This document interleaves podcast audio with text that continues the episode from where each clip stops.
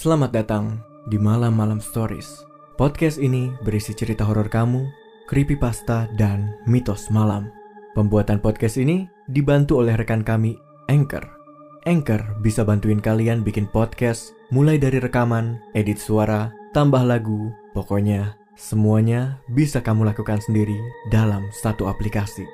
Anchor ini gratis. Bisa di-download dari App Store dan Play Store atau bisa juga diakses dari website www.anchor.fm.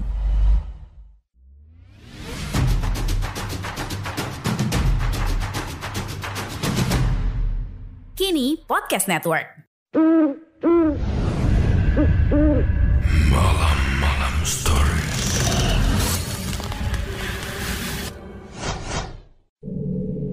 Multiverse merupakan salah satu teori yang masih menjadi perdebatan hangat di antara para ilmuwan, khususnya di bidang antariksa dan fisika.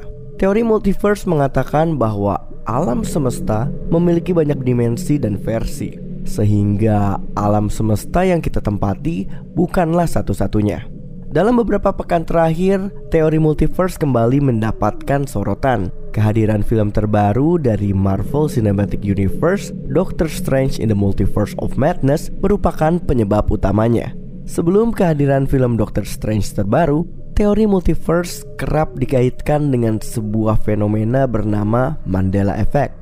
Lantas, apa itu Mandela Effect dan kaitannya dengan teori multiverse? Hai manusia malam, Gua Papa Chan dan dalam misteri malam hari ini kita akan mencari tahu apakah Mandela Effect merupakan bukti nyata dari teori multiverse.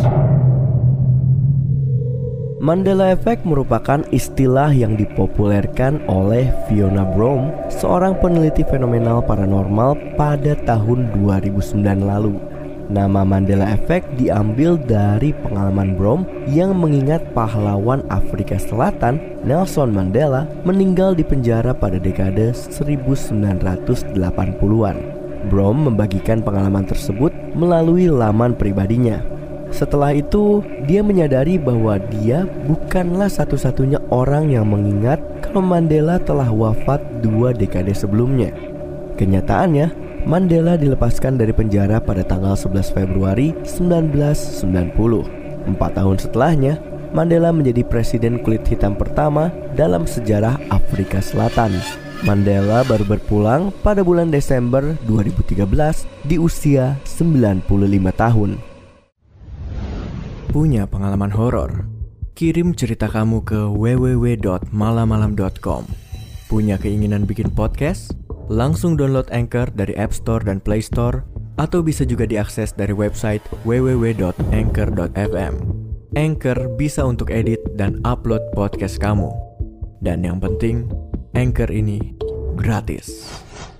Insiden meninggalnya Mandela bukanlah satu-satunya bukti dari Mandela Effect. Sejumlah warganet di Reddit dan forum-forum lainnya juga membeberkan beberapa bukti dari Mandela Effect. Salah satunya adalah buku anak-anak yang berjudul Berenstain Bears. Tapi beberapa orang mengingat buku tersebut dengan judul Berenstein Bears. Selain itu, ada juga beberapa orang yang mengingat sebuah selai kacang dengan merek Jiffy. Padahal, selai kacang itu bernama asli Jif. Untuk sebagian orang, Mandela Effect merupakan bukti nyata dari teori multiverse. Mereka menganggap realita di satu alam semesta telah berinteraksi dengan alam semesta yang kita tempati. Beberapa pengamat mengatakan Mandela Effect terjadi karena CERN atau akselerator partikel terbesar di dunia telah membuat gangguan besar dalam pabrik alam semesta. Eksperimen tersebut diduga terjadi pada tahun 2008 sehingga setahun setelahnya Brom mulai memperkenalkan istilah Mandela Effect. Ini merupakan salah satu teori yang tidak realistis. Tapi sampai saat ini belum ada satupun sosok yang bisa mematahkan teori multiverse. Sehingga teori ini masih dianggap menjadi salah satu penjelasan di balik Mandela Effect. Nah, Semenjak buku dan website yang dibuat oleh Brom meledak dan populer, para ilmuwan di bidang medis langsung melakukan penelitian terkait hal tersebut. Para ilmuwan pun mengambil kesimpulan bahwa fenomena Mandela Effect bukanlah sesuatu hal yang baru, Dan ternyata sudah ada cukup lama dan hal itu dikenal dengan nama false memory.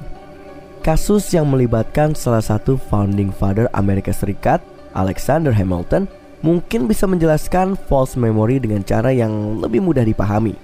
Banyak orang Amerika Serikat yang menganggap kalau Hamilton sebagai salah satu presiden negeri Paman Sam ketika baru merdeka. Padahal Hamilton tidak pernah memegang jabatan tersebut, meski memang dia memiliki peranan penting dalam proses kemerdekaan Amerika Serikat. Nah, jika dilihat dari sisi neuroscience, ingatan mengenai status Hamilton sebagai presiden Amerika disimpan di bagian yang dihuni oleh nama-nama mantan presiden Amerika Serikat. Proses penyimpanan ingatan itu dikenal dengan nama engram. Sementara kerangka di mana ingatan serupa diasosiasikan antara satu dengan lainnya disebut dengan istilah skema. Jadi, ketika seseorang mencoba untuk mengingat Hamilton, hal tersebut memicu neuron dalam hubungan dekat satu sama lain, membawa serta ingatan sebagai seorang presiden.